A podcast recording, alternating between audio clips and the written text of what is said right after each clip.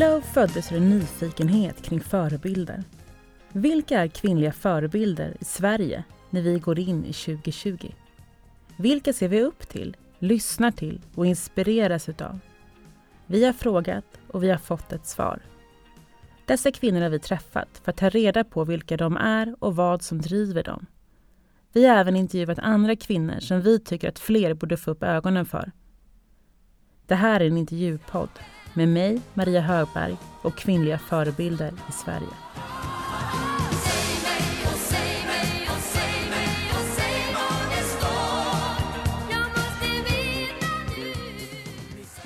Clouf, elle, lance le poids à 14 mètres 19. C'est son record personnel. La différence entre les deux est à ce moment-là de 101 points. Där bakom kommer Carolina Klüft. Snart är hon i mål. Nu har hon 20 meter kvar bara av detta Europamästerskapstävlande. Nu är hon i mål. Klockan stannar på 2.15 lite drygt för Carolina Klüft som vinner sin 17 raka sjukamp. Som vinner sitt femte raka stora falloir s'habituer à ce joli minois. Carolina Kluft, la suédoise, est partie pour régner de longues années sur les Bernard, on a. 2002 när hon fortfarande var junior och vann EM-guldet. Det fortsatte med den fantastiska serien som slutade på 7001 poäng i Paris. Det fortsatte med tidernas mest överlägsna olympiska seger i Aten. Det fortsatte med den dramatiska duellen med stukad... Vad är ditt bästa minne från din karriär? Oj. Um, ja, men OS-guldet är ju en riktig höjdpunkt såklart. OS är det största man kan vinna så att, uh, det är ju en av de absolut bästa stunderna i mitt idrottsliv, det tror jag. Om vi fortsätter lite där, du har tagit emot många pris genom åren. Vilket pris värdesätter du mest? Um, ja, alltså Bragdguldet och Jerringpriset är ju två priser som betyder väldigt mycket och som har lång historia och som eh, eh många stora idrottare har fått. Så de eh, vill jag, eh, av sådana här priser så är det väl de, Victoriastipendiet har också varit väldigt, väldigt roligt.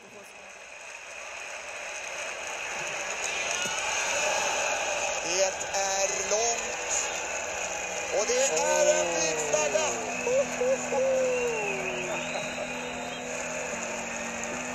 Sex meter 68 centimeter.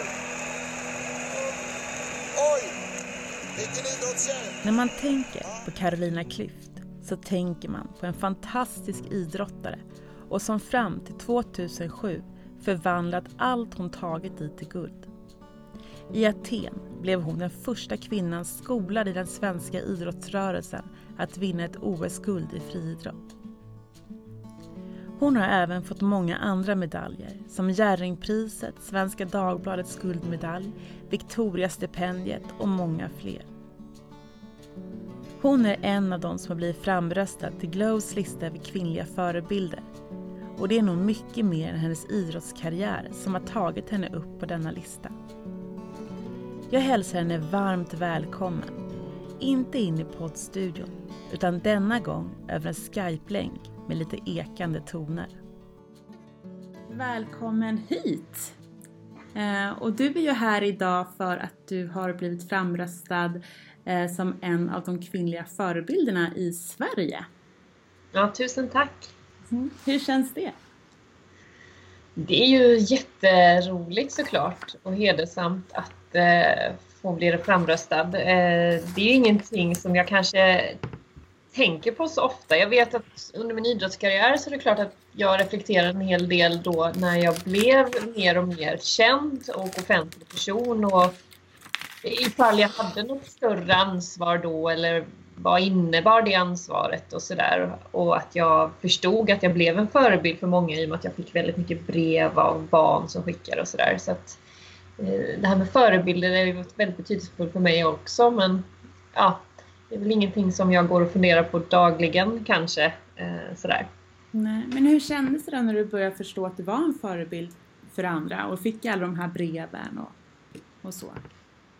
Men jag tycker alltså att vara förebild är ju inte alltid någonting man väljer. Jag tror att man, man blir en förebild i olika sammanhang. Blir man till exempel mamma så blir man ju förebild. Blir man stora syster så blir man förebild. Eh, eller storebror för den delen. Eh, eller hamnar man i en, en situation eh, och man får ett jobb eller man till exempel då i min, mitt fall blir en, en idrottare som folk känner igen och sitter och hejar på framför TV så blir man ju någonstans en förebild. Man väljer ju inte riktigt det. Mm. Och jag tror den känslan är, det är väl någon form av eh, blandat både av tacksamhet och, och, att det känns viktigt. Men det kan också innebära att man, jag då som ung vuxen kände också att det ibland kunde vara lite överväldigande. Eh, inte egentligen på ett negativt sätt men mer att det ibland kunde vara lite svårt att eh, hantera och veta hur jag, hur jag skulle tänka och, och det är lätt att man ibland kanske då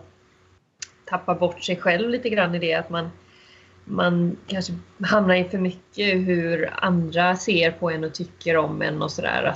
Istället bara fortsätta vara sig själv så kanske det, det kan vara lätt att tappa fotfästet lite grann. Så jag jobbade ganska mycket på min självkänsla och vem är jag och försökte liksom på det sättet behålla fotfästet någonstans i det. Så kan bli Mm. ganska överväldigande att bli en förebild för väldigt många på en och samma gång. Men oj så mycket kärlek jag fick av, i alla brev och av alla barn där ute som hörde av sig. Så det var ju väldigt, väldigt mycket positivt och väldigt mycket kärlek som jag fick. Mm. Men vilka var det som, fick du hjälpa någon med det här? Alltså typ att kunna behålla liksom din självkänsla och, och bilden av dig själv?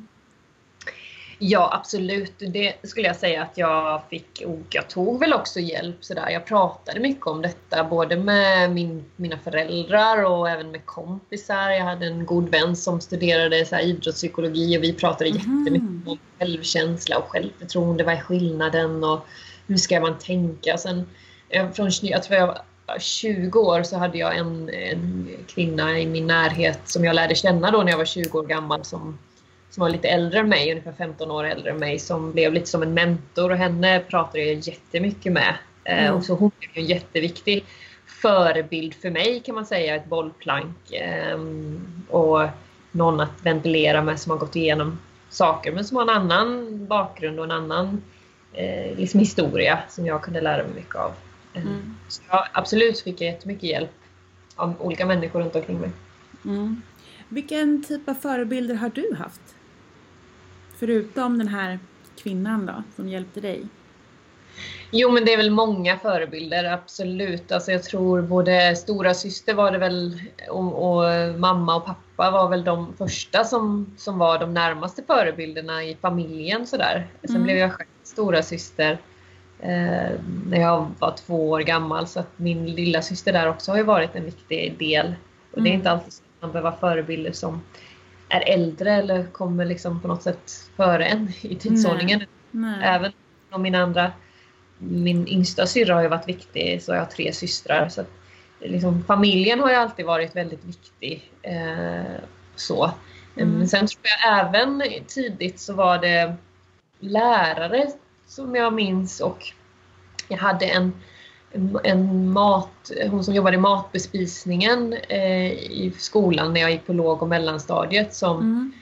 blev väldigt viktig för mig och med, även min mellanstadielärare eh, som jag hade i trean och fyran vet jag var en viktig förebild. Eh, och det fanns även, tror jag, några personer i, i eh, ja, bland kompisar och sånt som jag tyckte mycket om och som jag såg upp till. Eh, och sådär. Jag kommer inte ihåg att jag hade jättemycket kändisdyrkan sådär när jag var i den åldern. Att det, ha, att det var någon stjärna sådär som jag hade extra. Carola var i och för sig en Mm. väldigt så här, Jag lyssnade jättemycket då. Hon vann ju Fångarna med stormen där 91. Då var jag, vad var jag då, nio år va? Mm. Eh, och det var ju sån här, det minns jag ju jätteväl. Och eh, det blev mycket, jag lyssnade jättemycket på hennes låtar och sådär Mm. och sjöng spegeln. Så, så hon var väl också någonstans en förebild tror jag, där i början. Mm. Var det musiken eller var det någonting med henne som person också?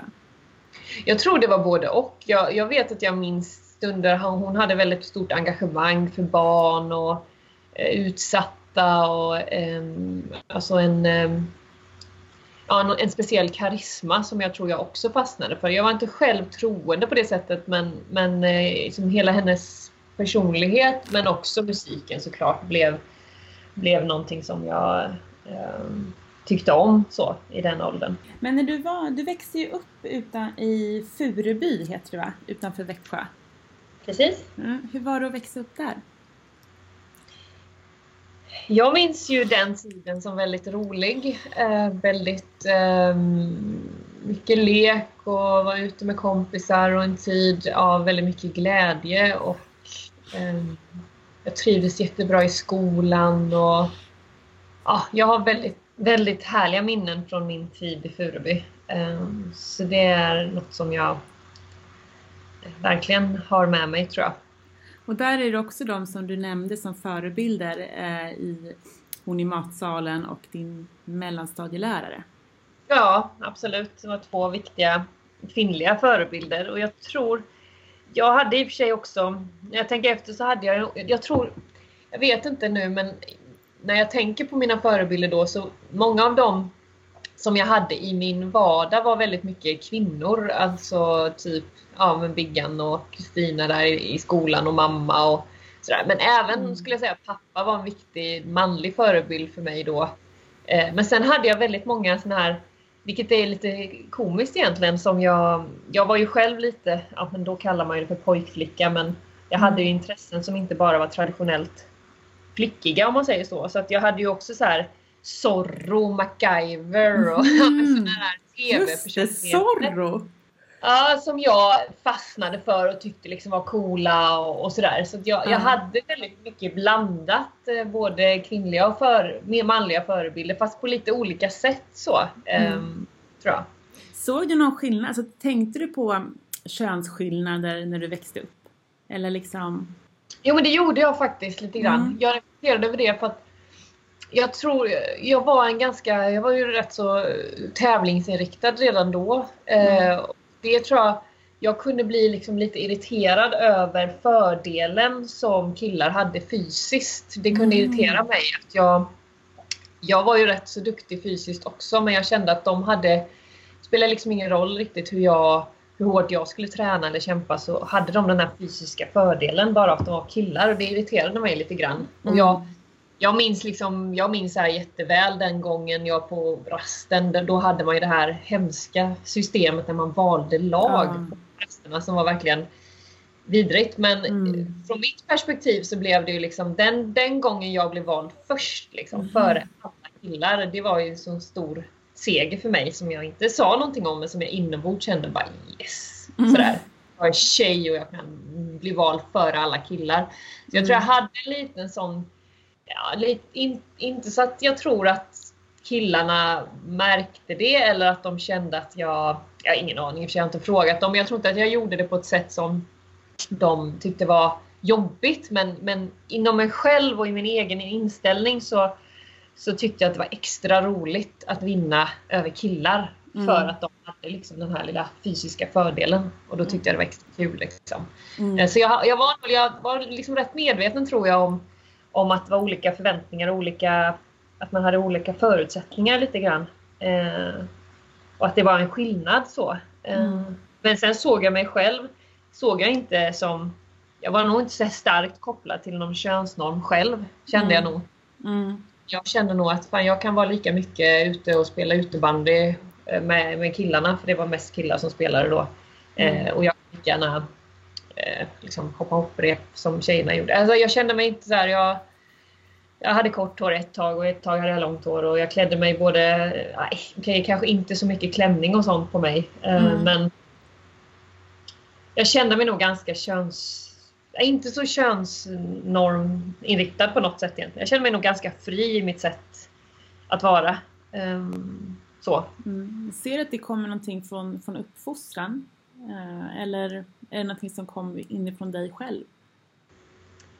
Nej, men det, jag tror det är flera olika saker. Dels så, så kanske det är lite eh, hur man, vad man, hur man är som person givetvis. Men mycket är ju det sociala runt omkring. Jag tror dels beror det på vilka kompisar man har. Min allra bästa kompis, hon var inte heller speciellt liksom flickig på det sättet. Eh, så att vi eller, eller pojke för den delen, vi, var liksom, vi gjorde allt möjligt. Allt från att sitta och rita till att vara ute och bygga och snickra. Och, alltså, vi hade väldigt brett, breda intressen och ingenting var speciellt, kändes speciellt eh, kopplat till det ena eller det andra. Eh, och sen tror jag också eh, mina syrror och jag, vi gjorde allt möjligt. Vi kunde liksom, vi hade inte hemifrån någon förväntan av att vi behövde vara på det ena eller andra sättet. Eh, jag tror det handlar lite grann om intressen, vad vi intresserade oss för, eh, mer än, än att det var kopplat till eh, vad, vad som förväntades av oss. Sådär. Jag, mm. eh, så jag tror det, det, är väl miljön som spelar roll. Jag tycker aldrig att jag har blivit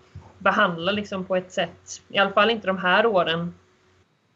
Det kom väl senare sen, men under de här åren så kände jag väl mig, att jag var i en miljö där det inte fanns liksom så raka linjer mellan olika könsnormer utan vi var väldigt mycket alla tillsammans och vi lekte väldigt blandat och vi var hittade på väldigt mycket roliga saker ute på byn och då var vi både killar och tjejer och vi gjorde allt möjligt eh, tillsammans. Mm. Ehm, ja, det var liksom lite fritt från de där förväntningarna. Det fanns ju inga sociala medier, det fanns liksom inget internet, det fanns liksom inte...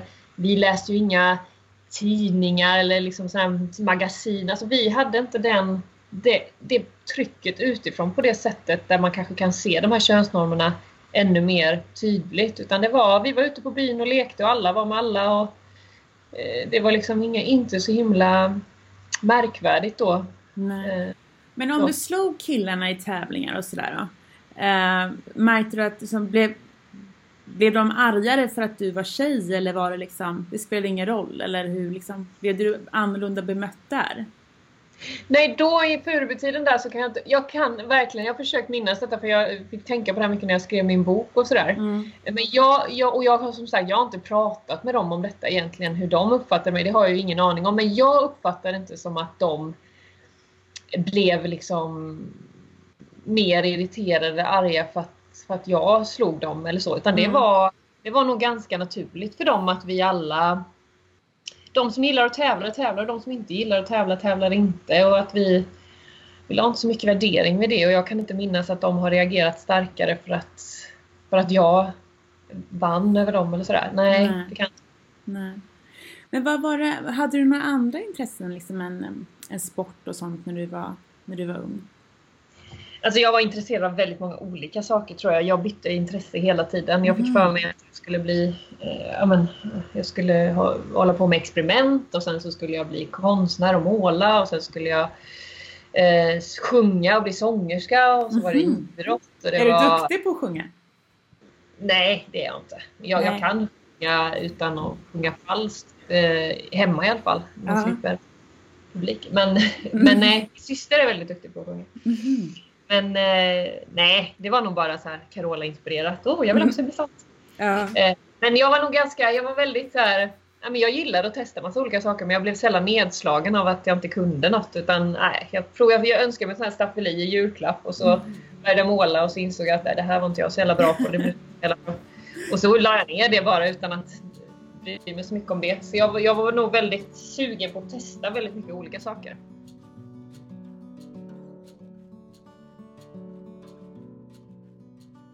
Carolina är uppvuxen i Fureby, som är en by utanför Växjö, tillsammans med hennes föräldrar som båda har en bakgrund inom idrott och med två systrar. Familjen, som alla är tävlingsmänniskor, men också skapat en grundtrygghet och funnits där för henne genom livet.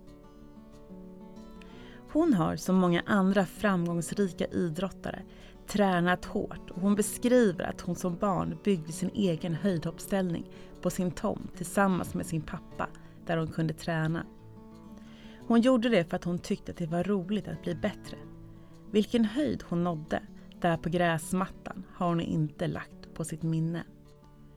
Någonstans ringer det in Carolina som inte haft några mål utan har tränat för att hon älskar det. Något hon också har byggt upp är hennes självkänsla. Hon är Carolina med sina värderingar och åsikter. Hon är inte enbart friidrottaren, utan det är något hon har gjort och varit bra på. Men inte något som definierar henne som person. Carolina är så mycket mer än det och därför har hon kunnat ta sig an nya utmaningar även efter idrottskarriären. Självkänsla och självförtroende, två saker som hänger samman och som är två vänner som inte lämnar en om man lyssnar till dem och om man investerar sin tid och kärlek åt dem. Men om man liksom ser på, eh, på hela din karriär så pratar man mycket liksom om det här med, liksom, du pratar mycket om det här med självkänsla och självförtroende. Och vad, vad ser du är skillnaden mellan självkänsla och självförtroende? För mig så handlar det om att självkänsla är mer kopplat till den du är. Självkänsla är bilden du har av dig själv som människa och den kan du basera på olika saker. Det kan vara dels baserat på vad du presterar men också på hur generös du är eller vilka värderingar du har eller vad du tror på eller hur du uppskattar dina egenskaper när du gör något för andra människor. Ja, det är liksom mer bilden som du bygger av dig själv som människa och den bär du med dig hela tiden. Mm. Eh, Den, den är en färskvara, den måste du liksom ja, hela tiden vara medveten om att vad, vad baserar jag mitt värde som människa, vad baserar jag Mm. bilden av mig själv på? Mm. Eh, självförtroende för mig är mycket mer kopplat till det jag gör i olika situationer. Eh, jag kan ha, även om jag har en jättegod självkänsla eh, Mm. så kan jag ändå ha dåligt självförtroende i att laga mat till exempel. Mm. Jag, är, jag är inte så bra på att laga mat, det faller sig inte naturligt för mig. Mm. Men det är inte så att jag har en dålig bild av mig själv som människa för det. Jag tycker det är helt okej att inte jag är bra på att laga mat. Men jag tror inte på mig själv. Om någon skulle ge mig ett gäng ingredienser och säga så här, släng ihop en eh, god rätt här. Då skulle Mm. jag inte tro så mycket på mig själv. Jag skulle känna här, det här kan inte jag. Jag är inte bra Nej. på det här. Ja.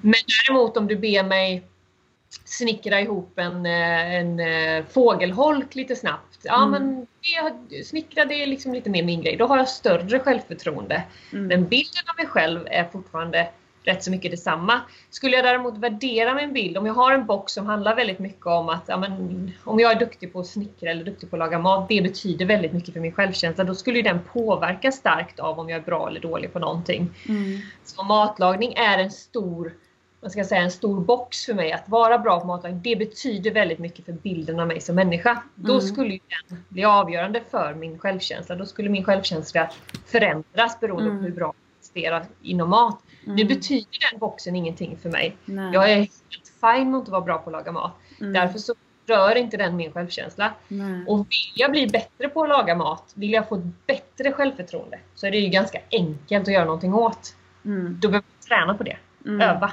Gå Mm. kurs. Lära Mm. sig. Då, då bygger man ju sitt självförtroende. Så det är den stora skillnaden. Och hur tänker du som när, som när du ska uppfostra barn då, så här med självkänsla och självförtroende? Hur, hur tänker du där? Eh, jag tror självkänslan där är för mig allra viktigast. Det, är Mm. grundläggande. Och att då handlar det om att jag, de boxarna som jag vill eh, försöka förmedla till dem, att de ska basera sig själva, det är de jag måste uppmärksamma initialt. Liksom att det handlar om att uppmärksamma dem på när de ja, men, eh, liksom anstränger sig snarare än, eh, än vad resultatet blir. Att de gör sitt bästa är viktigare än att de vinner. Mm. liksom, eller resultat, det bryr jag mig inte ett dugg om. Jag värderar, försöker aldrig värdera deras eh, när man, om de ritar en teckning, det är klart man kan säga vad fin teckning, men jag försöker snarare säga ah, hur tänkte du när du gjorde den? Vad du Mm. kan? Hur lyckades du rita den där konstiga grejen? Alltså man liksom Mm. mer eh, pratar om deras ansträngning och vad de har förmågan till att göra. Och att de där känner att det är det som är viktigast, inte själva resultatet de har gjort eller presterat. Sådär. Mm. Eh, och på olika sätt försöka göra det uppmärksamt. Och sen handlar det väldigt mycket om att bekräfta dem även ifall man gör fel, som alla gör. Mm. Alltså beter sig illa mot varandra så påminner jag väldigt mycket om att jag markerar att det där, det där är inte okej. Mm. Men liksom alla gör fel, det betyder inte att man är fel. Eh, Mm. Man försöker också liksom säga att man älskar dem även precis när de har gjort några dumheter. Men det, kärlek har ingenting med vad du, att du gör tokigheter ibland eller gör fel. Mm. Det gör vi alla. Då kan man be om ursäkt och så kan man gå vidare. Liksom. Mm. Det är ju krångligt med barnuppfostran. Ja, men det, jag, är- det är ju det. Det är då allting sätter sig på sin spets tycker jag. ja, verkligen. Att man så här, men För att annars när man liksom går genom livet innan man fick barn så tycker jag så att då var det ganska enkelt med vissa saker men när man, när man får barn då är det liksom Jag tycker det är svårt. Det är svårt. Men det är väl det, ska det väl vara också. Jag tycker Ja. det, det, är en männi, det är en människa som ska formas och som, som ska ta egna beslut och ska ta ansvar också få, och få vara liksom, fri på många sätt. Men vi ska ju inte forma dem i en ram som vi har stöpt liksom, utifrån bara vårt perspektiv utan de ska ju söka mycket sina egna svar. Så att, Mm. någon sa till mig en gång att det här med att fostra hund eller fostra ett barn, det är två helt olika saker. För fostra en hund, då vill du ju att de ska lyda min- din minsta vink liksom. Ja. Och dina fötter. Men med ett barn så är, ska du fostra dem på ett sätt så att de inte vill det. Utan de ska klara av att flyga helt fritt liksom. Mm. Och det, är- det är väl det försöker tänka, att de, de ska ju bli egna individer. Och det kommer ju vara, man kommer oroa sig och man kommer tycka det är svårt och så. Men skulle det vara lätt, eh, då skulle vi ju ha förmodligen barn som bara var som små robotar och gjorde precis Ja. exakt som Ja och det vill man inte heller liksom. Nej, de ska utmana oss. Mm. De ska verkligen eh, försöka bryta sig fria från flocken och, Mm. och utmana oss och eh, hitta sin egen, sin egen personlighet. Och då måste de få uttrycka det. Och då blir det svårt. Ja. När tvååringen vägrar. Ja. Bara, Ja. nej, nej, jag ska inte klippa mig. Ja, men det är så här, eller, man får prova så mycket olika saker och sen när man väl har hittat en sak då hinner de utvecklas så himla fort så att då funkar inte den taktiken längre heller. Nej, Så att Exakt. man får hela tiden liksom ställa sig på sin spets när det gäller ledarskap tycker jag med barn. För de är så himla intelligenta så de avslöjar ju en hela tiden. Så fort man hittar en genväg så liksom kommer de där med en bättre lösning liksom. Ja, precis. Eh, men sen så när du flyttade till Växjö där så fick du Mm. liksom, då blev det lite tuffare period i ditt liv. Ja, då var det väldigt uppdelat när jag kom till den skolan, i den klassen. Så var det väldigt mycket, där är killarna och där är tjejerna. Eh, Mm. Det var en väldigt skarp linje. Eh, Där killarna hade liksom en typ av mentalitet och tjejerna en annan. Mm. Och där jag hamnade lite mitt emellan först för jag Killarna var rätt tuffa och hårda mot tjejerna. Gav sig Mm. på tjejerna, slogs, eh, tog på dem. Eh, det var ganska liksom, det var, och jag, för mig var det en chock liksom. Jag bara, vad är det här? Och då, de, där, de reagerade också väldigt starkt och tyckte liksom att det här var dåligt och tog möten med både lärare och rektor och liksom försökte göra någonting åt det här. Men ja, valet för mig var ganska enkelt sen när jag slutade sexan att då istället för att fortsätta i den här nya klassen Mm. på en skola som låg bara några hundra meter från där jag bodde Mm. så handlade det istället jag fick cykla rätt så mycket längre, flera kilometer längre till en annan skola. Men den, på den skolan skulle då min, min Furubyklass börja i, för vi har inget Ja. högstadie i Furuby. Så de skulle komma in till den skolan. Och det var ju blev ett ganska enkelt val att jag vägrar gå kvar i den här klassen. Utan jag, jag går tillbaka och, och börjar med, med de andra. Liksom. Mm. Och det, alltså det förstår jag verkligen, men jag tänker också på så stackars alla som gick kvar, som inte ens hade fått uppleva den miljön som du hade fått upplevt innan. Absolut, och jag, jag tänker ofta så. Eh, det finns så fantastiskt duktiga lärare där ute och de är så otroligt viktiga för våra barn och liksom så. Men det finns ju tyvärr ibland, som i alla yrken och i alla kategorier av branscher, att det finns de som kanske inte riktigt behärskar det de har gett sig in på och det kan få rätt allvarliga konsekvenser för eh, elever och, och barn. Mm. Verkligen.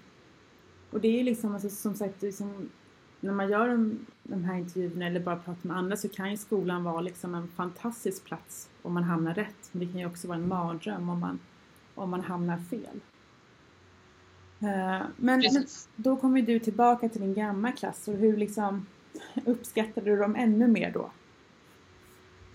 Ja, eh, det gjorde jag nog. Även om jag tyckte att tiden i början på en ny skola eh, gjorde mig ändå, med den halvåret jag hade i ryggen där, så gjorde Mm. det mig lite mer osäker. Det var inte så att jag, vi då, dels så sattes vi ju ihop med andra elever så klassen blev ju fler, vi blev fler och vi blev eh, eh, flera stycken som jag inte kände sedan innan. Mm. Eh, dessutom en större skola där vi inte var äldst. Det var ju nior som gick på skolan och man var yngst. Och sådär. Så att jag upplevde nog första året där så var jag nog lite osäker, tyckte det var lite jobbigt ibland med Mm. skolan.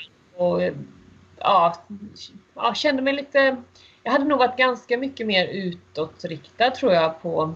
Även om jag alltid har varit en introvert person så var jag nog, tog nog för mig lite mer eh, ute i Furuby och det tog lite tid för mig att komma tillbaka till att våga eh, ta för mig och tro på mig själv fullt ut. Eh, Mm. Även på den, på den nya skolan då, även om jag var bland mina gamla klasskamrater. Men de var ju såklart en supertrygghet för mig. Ja. Eh, Men har du varit introvert som person? Eller alltså, skri... jag, Ja. jag, är- jag är introvert ja. Ja. Okej. För det kan man inte, det här kan inte riktigt jag... Liksom, på, vilket sätt, på vilket sätt märks det då? Är det att du gillar liksom, att du tycker det är jobbigt med sociala sammanhang eller att du får energi i när du är ensam eller? Ja, jag är mer introvert på det sättet att jag hämtar mycket energi inifrån eh, och behöver eh, en del tid själv eller med mina närmaste. Ah. Jag, eh, jag, jag är ju superdrillad i sociala sammanhang och jag har Ja. absolut inget problem att eh, stå inför folk eller vara i sociala sammanhang. Nej. Men där är, där är jag nog jag är rätt så tränad i det och rätt så van vid det. Men det, det är någonting som är ganska ansträngande för mig. Eh, Ja. Jag behöver... Jag kan inte ha liksom för mycket sådana eh, extroverta sammanhang om man säger så Nej. eh, under en vecka. Då, kan, då blir jag ganska trött och blir ganska... Ja, jag mår inte helt enkelt på topp utan jag behöver de här liksom lite pauserna där jag kan liksom jobba eh, utifrån mig själv och med mina närmaste så att säga. Ja. Men när du tävlade då på de här stora liksom, arenorna, var det också liksom påfrestande ur det perspektivet?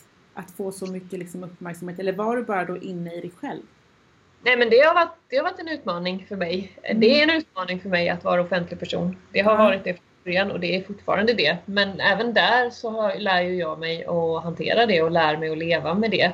Eh, Det har varit en utmaning, absolut. Sen kan jag säga att när jag har varit ute på idrottsarenan och har varit mitt uppe i det som jag älskar över allt annat då i Mm. den situationen där jag får tävla och göra det utifrån mitt, eh, mitt sätt. Det har jag älskat och då har jag, liksom, då har jag fått jättemycket energi av fans och publik som har suttit på läktaren och sådär. Men när jag går genom mixzone och ska prata med journalister och prata, prata, prata, prata, prata, prata, prata då kan jag vara ganska slut efter, efter en sån dag. Liksom, av, Ja. av även att jag ska prata så mycket om vad jag känner och vad jag tycker om det och känslorna där. Och liksom, det, det kan vara ganska ansträngande för mig. Ehm, Egentligen Så. skulle du bara vilja gå till omklädningsrummet och sätta dig ner för dig och som analysera själv liksom. Ja, efter en stund i alla fall. Mm. Jag har absolut, sen har jag varit alltid väldigt öppen med mina känslor men det kan väl också göra att det blir, kan bli ganska ansträngande. Man slänger ut sig och man är, man är som ah, nej men det här är jättekul. Och liksom, men Mm. jag har ändå liksom varit öppen med mina känslor men det kan ta rätt mycket energi. Eh, det kan det absolut göra. Mm. För jag kommer ihåg liksom, alltså när jag satt och tittade på dig, eh, de första liksom intervjuerna eller när du blev så här filmad efter en, eh, en gren och sånt, att du var ju så här så befriande att titta på. För att du liksom inte som, du var ju inte, då var du ju inte så skolad i det. Utan det var ju liksom grimaser och det var ju liksom Ja, Jag kommer ihåg att jag liksom älskade just de, de situationerna. Men var det liksom... eh, liksom Det älskar inte alla kan jag säga. vad sa du? Nej, det älskade inte alla. Nej men alltså, jag vet mamma var såhär nu kommer hon, nu kommer inte, nu, nu kommer hon filma om Carolina här. Du vet så, Ja. jag satt där. Tyckte det var så det- befriande. Men det kan jag se, alltså jag får ju ofta den här att det, det kan vara så här, ja, men det var så ofiltrerat och det var så Mm. spontant och så. Ja absolut, men det, fann, det fanns ju också en strategi bakom det som jag Mhm. liksom, som många inte förstår att för mig handlar det väldigt mycket om att slå av och på. Att, så här, jag har alltid varit väldigt tävlingsinriktad men jag har också varit väldigt, väldigt mån om att inte vara tävlingsinriktad. Att ha Mm. stunder där jag utifrån det jag gick igenom så blev det en livlina för mig också att hänga fast. Vem är jag som människa? Och vem är jag utan mina prestationer? Då måste jag få släppa fokus på mina prestationer. Mm. Det handlar om att jag måste ha tid för mig själv eller jag måste vara med mina nära och kära, hitta på någonting med vänner eller plugga eller vad det nu än är. Men jag kan inte bara tänka på idrotten hela tiden. Mm. Eller bara tänka på mina prestationer. För då kommer jag bli lika med det. Mm. Och jag är så mycket, jag är så mycket mer än en idrottare. Så var ju liksom mitt sätt att hantera det som jag gick igenom som ung vuxen.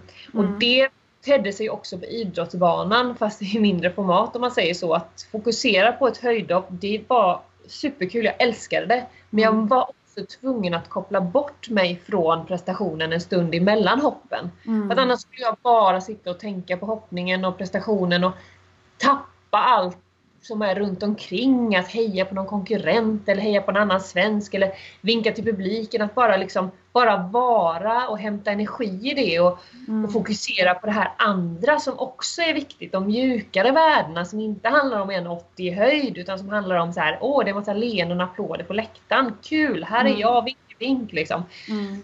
Så det var också en, det var inte bara så att det var ofiltrerat och det var också ganska medvetet skulle jag säga. Det var ett sätt mm. för mig att, att hantera eh, en fullsatt arena. Det var också att ta in den och mm. eh, vara i, i glädjen och i kamratskapen och känslan av att man har en massa personer som hejar på en på läktaren och vad härligt och, och mm. så här mm. glömma stationen en stund. Så det, det var liksom så jag funkade för att kunna prestera på topp. Och en del är helt annorlunda. En del vill sitta under sin handduk och bara tänka på sin tävling och inte släppa fokus för då är, då är man rädd att man inte hittar tillbaka och då, mm.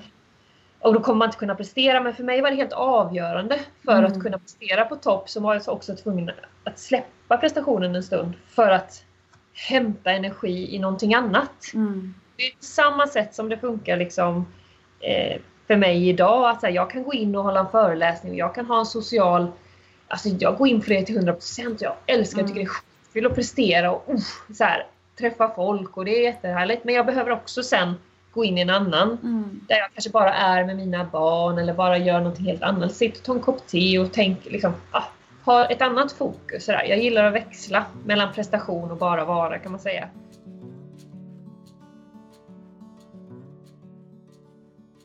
Det är nu många år sedan hon la friidrotten på hyllan och hon har idag även lyckats inom flera andra områden. Hon har bland annat varit programledare, författare, föreläsare. 2014 blev hon invald i Naturskyddsföreningens riksstyrelse och idag är hon verksamhetschef för Generation PEP. Gen PEP, vad står det för? Generation, Generation PEP, ja, det är mm. liksom att peppa igång en hel generation barn och unga att röra på sig mer och äta bättre helt enkelt. Ja, och du har ju sällskap av den här stiftelsens grundare, det är ingen mindre än prins Daniel. Ja, tillsammans med hans hustru kronprinsessan Victoria som är initiativtagare till den här. Visste ni att barn i Sverige sitter still nästan nio timmar om dagen? För att bryta det här så kan det vara bra att göra rörelsepauser och få upp pulsen. Det har visat sig positivt för hälsan och nu tänkte jag ge exempel på det. Jag tycker alltid att det är roligt att blanda ett par övningar. Så nu blir det höga knälyft och sprattelgubben. Så här går det till. Hur många fick du? Fick 60? 65! Nej, lugn grabbar. Jag gjorde 70. Yes! Men ihop gjorde vi faktiskt hur många som helst och det är ju väldigt mycket roligare att göra saker och ting tillsammans, eller hur? Så därför utmanar vi nu er. Hur många jumping jacks klarar ni av för barn och ungas hälsa? Kom igen nu Sverige! Upp och hoppa, nu sprider vi en pepidemi av rörelseglädje. Ja, nu kör vi!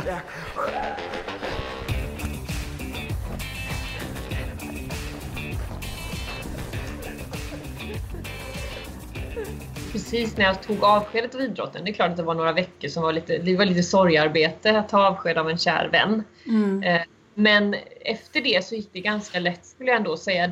Dels för att jag hade först uppfattningen om att jag skulle få börja om helt från början när jag upptäckte ganska snabbt att jag hade så mycket nytta av allt jag hade lärt mig via idrottskarriären. Allt ifrån hur jag ska, vilket mindset jag ska ha eller hur jag ska, vilken inställning, hur jag ska strukturera upp saker. Jag hade ju liksom varit min egen projektledare på något sätt för min egen idrottskarriär och jag hade väldigt mycket nytta av det. Mm. Men sen var jag också så nyfiken och såg fram emot livet efter idrottskarriären mm. väldigt mycket. Så jag var lite som en kalv på grönbete och mm. kände bara wow, nu här händer det superhäftiga saker och nu kan jag välja lite helt annat och behöver inte anpassa allting efter träning och tävlingsprogram och sådär. Så att jag, jag tyckte att det var en skön känsla. Sen kan man säga att jag under hela min idrottskarriär så var jag väldigt mån om med det vi pratade om innan, att min självkänsla ska liksom, boxen ja. som är fylld med medaljer och utmärkelser och priser som du nämnde. Mm. Den boxen är en superhäftig bonus och jättehäftiga minnen och upplevelser som jag verkligen är superstolt över och som också såklart har påverkat min självkänsla. Ja. Men den har inte varit avgörande för min självkänsla. Nej. Så när jag blev utan den boxen så, så hände det inte så jättemycket med min självkänsla. Så, så när jag tyckte att okej, låt, låt oss fylla den boxen med andra grejer som kan vara Ja. kul och utmanande. Eh, det kan vara allt ifrån att stå på en scen och föreläsa till att våga hoppa på det där jobbet. Jag fick ju ganska snabbt förfrågan om att vara, bli programledare för OS. Jag bara oh shit, det, Ja. här verkar, det här verkar ju supersvårt och jätteskrämmande. Ja. Jag måste prova. Eh, liksom att hitta nya utmaningar och nya sådana här eh, tävlingssituationer kan man säga, men som inte handlar om att, att eh, utmana min kropp fysiskt på samma Nej. sätt. För det så- låter ju faktiskt ganska, som när du beskriver det här innan, så här, just det här med självkänsla och självförtroende. Att, att självkänslan har varit så viktig och precis som du säger, då kan man så här byta ut självförtroendet inom andra grenar också. Ja, det- för mig blev det så. Ja. Sen säger jag att det, det har inte varit enkelt. Det har krävt rätt arbete och jag har ju liksom jobbat med det här under hela min idrottskarriär. Men, men övergången skulle jag säga blev ändå inte så problematisk för mig. Eh, sen hade jag väl också en, en förmån i att jag hade liksom möjlighet att ha kvar mitt bolag som jag haft under flera år. Jag kunde fortsätta ta ut en liten lön varje månad vilket Ja. innebär att ingen kniven på strupen att nu måste jag hitta ett jobb som jag måste ha en lön till. Jag kunde plugga, jag kunde Mm. föreläsa lite, jag kunde ta lite andrum också till att fundera över och testa på utan att jag behövde känna den här ekonomiska pressen på mig Mm. eh, under de här, den här första tiden. Och vilket, vilket gjorde att det också blev en skönare. Så det var ju många faktorer som gjorde att det blev ganska smärtfritt för mig. Mm. Men fick du många jobbförfrågningar direkt efteråt? Ja, men jag fick nog en del som jag tyckte var kul. Liksom, lite föreläsningar och lite såna grejer. Sen valde jag att hoppa på plugg nästan direkt. Så jag Mm. började plugga eh, en B-kurs i, i, i eh, fred och konfliktstudier i Uppsala. Mm. Så då hade jag liksom det lite grann att att fokusera på. Och sen hade jag lite ströjobb sådär. Och sen fick jag ganska tidigt, jag tror 2013 redan, året efter där, så fick jag ju förfrågan på våren om att och jobba med OS i Sochi då som var februari 2014. Mm. Eh, så att ganska tidigt så blev det ju det. Mm. Jobbet blev i fokus och sådär. Så det, det gick. Jag fick ändå möjligheten där och jag är jättetacksam för de chanser som jag, som jag fick där i början som gjorde att övergången också såklart blev lättare. Ja, men hur laddar du mentalt för det då? För alltså, både föreläsningarna och ett programledarjobb? Ja, men det är väl som, som jag gjorde i, i eh, idrotten. Träning, förberedelser, plugga, öva, eh, prata med folk, bli coachad. eh, så. Och sen eh, lita på att man har ett team runt omkring sig som hjälper en igenom de här Mm. utmaningarna. Eh, framförallt programledarjobbet var jag ju helt beroende av de här som pratar med en i örat och som Ja. guidar genom saker och ting. Och, hittade mina styrkor att, att försöka fokusera på trots att jag var en oskolad programledare och inte Mm. alls i närheten av lika duktig som de etablerade programledarna så hade jag ett annat perspektiv som gammal idrottare som jag kunde använda mig av. Så att, Mm. ja, jag är väldigt glad för den erfarenheten som jag fick då och de som trodde på mig och gav mig den chansen. För det har också gett mig jätteviktiga erfarenheter. Mm. Fick du också många konstiga erbjudanden som du tackade nej till? Ja, men mycket tv-program har jag tackat nej till, kan jag väl säga. Ja. Mycket Ja. eh, speciella, roliga, knäppa TV tv-program. Ja. Men ehm, ja, nej men jag vet inte om det var... Det har jag säkert gjort massor, men det är väl kanske inget som jag Nej, där Nej. Men har du någon gång sökt ett jobb? Nej, det har jag nog aldrig gjort. Nej. Vad, liksom, om du skulle söka ett jobb, då, vad tror du som, vad, vad är det för jobb du skulle kunna tänka dig att, söka? Liksom? Eller vad drömmer du om liksom, att få göra? Oj, vilken bra fråga. Um, alltså jag har aldrig...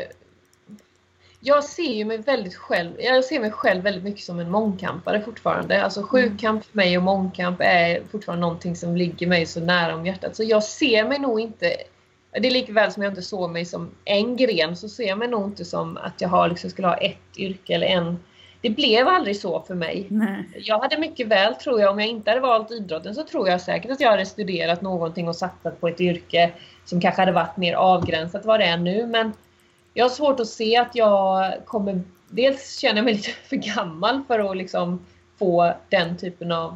Eh, jag, tror att, jag tror att vägar kommer leda mig framåt. Men Mm. hamnar jag i en situation där jag står helt utan jobb då tror jag att jag kommer vara egenföretagare och fortsätta på det spåret som jag haft med att jobba med egna, egna grejer. Och då Mm. tror jag att jag hit- hittar på bra grejer. Och funkar inte det så är jag nog rädd så jag nog inte får ta i stort sett vilket jobb som helst. Nej, men alltså jag är nog inte... Mm.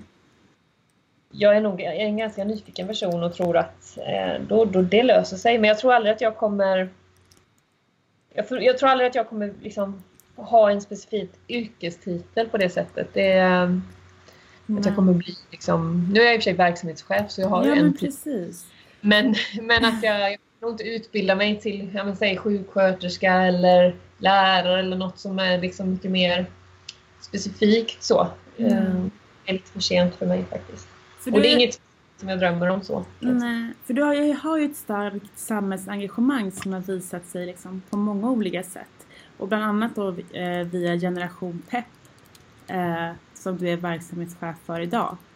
Mm. Eh, hur liksom, kan du inte berätta, hur fick du den frågan då? Hur kom det liksom in i ditt men jag- liv? Nej, men jag fick frågan då när den här organisationen eh, var i sin linda om att börja jobba för organisationen och då, började jag jobba där som pro- projektledare på halvtid. Då hade jag en hel del andra projekt igång, bland annat programledarjobbet eh, under OS som jag avslutade där 2016 innan jag började på det här jobbet. Så hade jag en hel del andra grejer som jag körde parallellt så då började jag som eh, halvtidsanställd projektledare helt enkelt. Och... Men ringde de upp, vem ringde upp dig? Var det liksom, och hur fick, som, hur fick du jobbet och allt sånt där? Var det bara du på, på eh, rekryteringslistan eller liksom?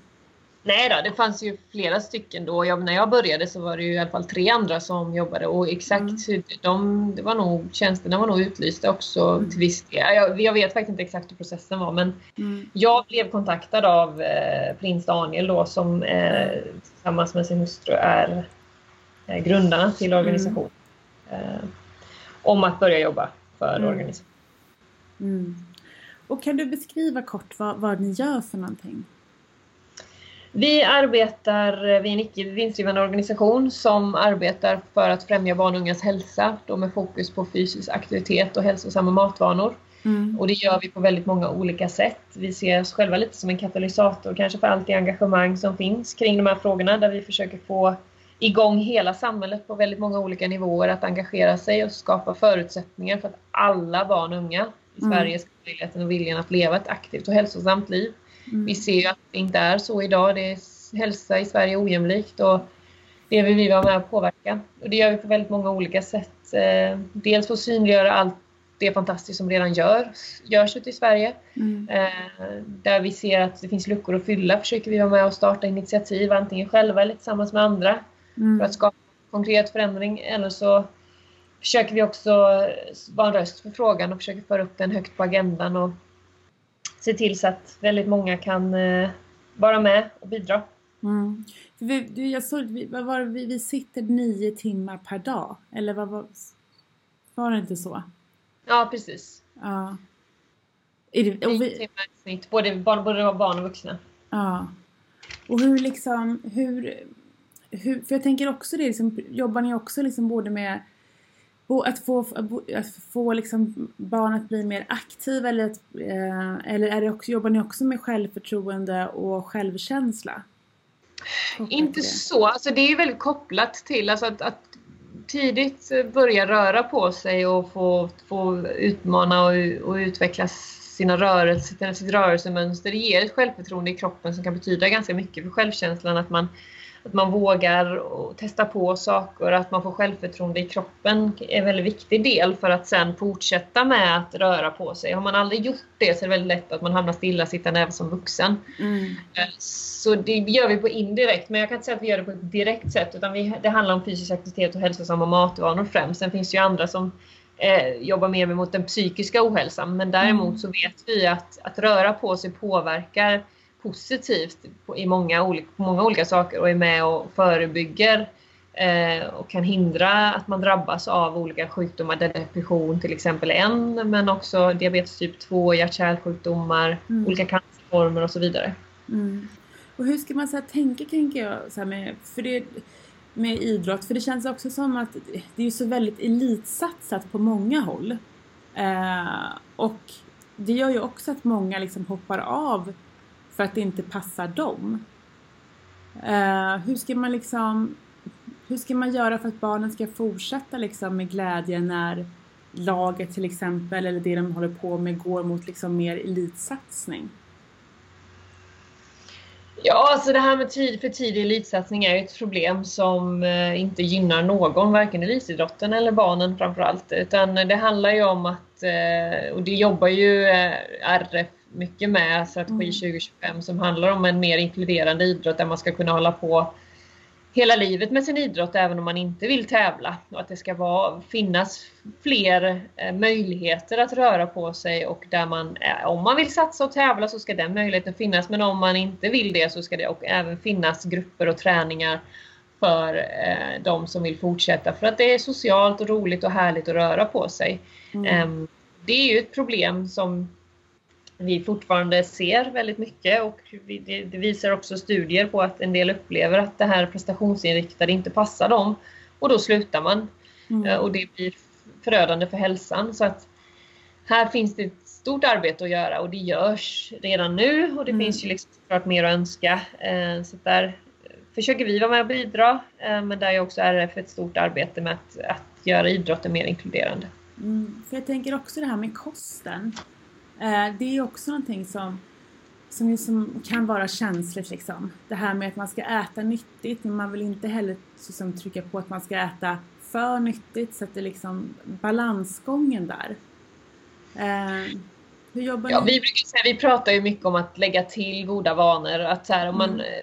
ökar intaget av frukt och grönt till exempel så har man gjort väldigt mycket och börjat i rätt ände. Eh, mm. Det handlar inte om att kasta om sin kost helt och hållet men om man börjar enligt de rekommendationerna som handlar om att byta ut vissa produkter, skära ner på vissa produkter men framförallt lägga till mycket frukt och grönt. Då har man liksom en bra början i det. Eh, mm. Alla barn och unga får i sig för lite frukt och grönt. Mm. Och det är eh, liksom en av de allra viktigaste delarna att, att, börja med och jag tror också kanske det som är enklast att ta till sig. Mm.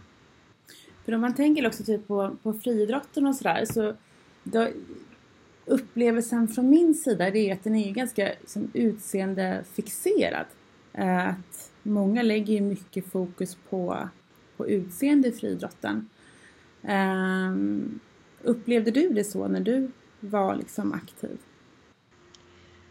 Nej, tvärtom så då hade jag ju blivit eh, påmind om utseendet i sexan där att jag skulle vara så smal och spinkig och sådär. Men mm. på idrotten och friidrotten för mig var en liten frizon för det. Jag blev mm. aldrig kommenterad för min kropp där och, och där handlade kropparna mycket mer om att de skulle vara funktionella och klara av vissa utmaningar. De skulle vara starka och uthålliga mm. och eh, man ska vara snabb och liksom det handlar mycket mer om kroppens funktionalitet än utseende, vilket jag tyckte var ganska befriande. Mm. Och det höll jag fast vid och gör fortfarande idag. Jag, jag lägger inte så väldigt stor vikt vid mitt utseende eller min kropp ser ut. Men däremot så lägger jag stor vikt med vad den ska klara av och hur den ska mm. må bra. Hur den ska fungera. Om det är att den ska föda barn, ja då lever jag med att jag blir tjock om magen och då mm. är det det som är i fokus. Och sen mm. eh, vill jag, nu vill jag liksom kunna vara pigg och, och, frisk och ha energi för att leka och kunna liksom latcha med ungarna och springa och så här, men då fokuserar jag på det snarare vad den, vad den ska utföra och vad den ska klara av mm. än, än hur den ser ut. Mm. Det tyckte jag var väldigt skönt och väldigt mycket enklare sätt att se på kroppen och det tyckte jag idrotten hjälpte mig med faktiskt. Mm. Jag tyckte det var utseendefixeringen tycker jag kom in väldigt mycket från andra håll. Eh, mycket mer. Eh, och sen kunde det ju sippra in i idrotten och man använde idrotten som ett redskap för att se ut så som de där gör som är där och där och där. Mm. Men men jag, jag kände mig rätt så befriad från det. Mm. Vad behandlades eh, eh, kvinnor och män olika åt eh, under din karriär? Såg du några liksom, skillnader där i friidrotten? friidrott var väl ändå relativt jämställt skulle jag säga när det mm. gäller liksom ersättningar och bonusar och liksom sponsorer och sånt. Där har jag inte upplevt några större skillnader. Mm. Eh, däremot så kan man väl säga att lite grann i hur man... Jag tror att alla, eller många kvinnliga aktiva upplever att det är liksom en helt annan ifrågasättande kring när man ska lägga av. Borde du inte sluta nu? Ska du inte mm. skaffa barn? Hur ska du göra då? Om man blir gravid under idrottskarriären, jaha, då får man inte lika, lika bra stöd. Mm. Det kopplas lite från då liksom är man nästan som att man vore skadad. Och jag tror jag har inte själv upplevt det eftersom jag var gravid under idrottskarriären. Men det finns nog väldigt mycket mer att göra när det gäller det. Mm. Eh, jag säga. Och där finns, finns det stora skillnader. Eh, mm. Det blir samma påtaglighet för en man där kroppen då inte är liksom involverad på samma sätt. Mm. Men eh, visst finns det saker att, att, arbeta med, men jag tror ändå att vi har kommit, eller vi har ändå liksom en relativt jämställd idrott om man jämför med en del andra idrotter. Mm. Om du skulle vilja förändra någonting då kring liksom jämställdhet och idrott eh, Eh, i Sverige, vad skulle du vilja förändra främst där?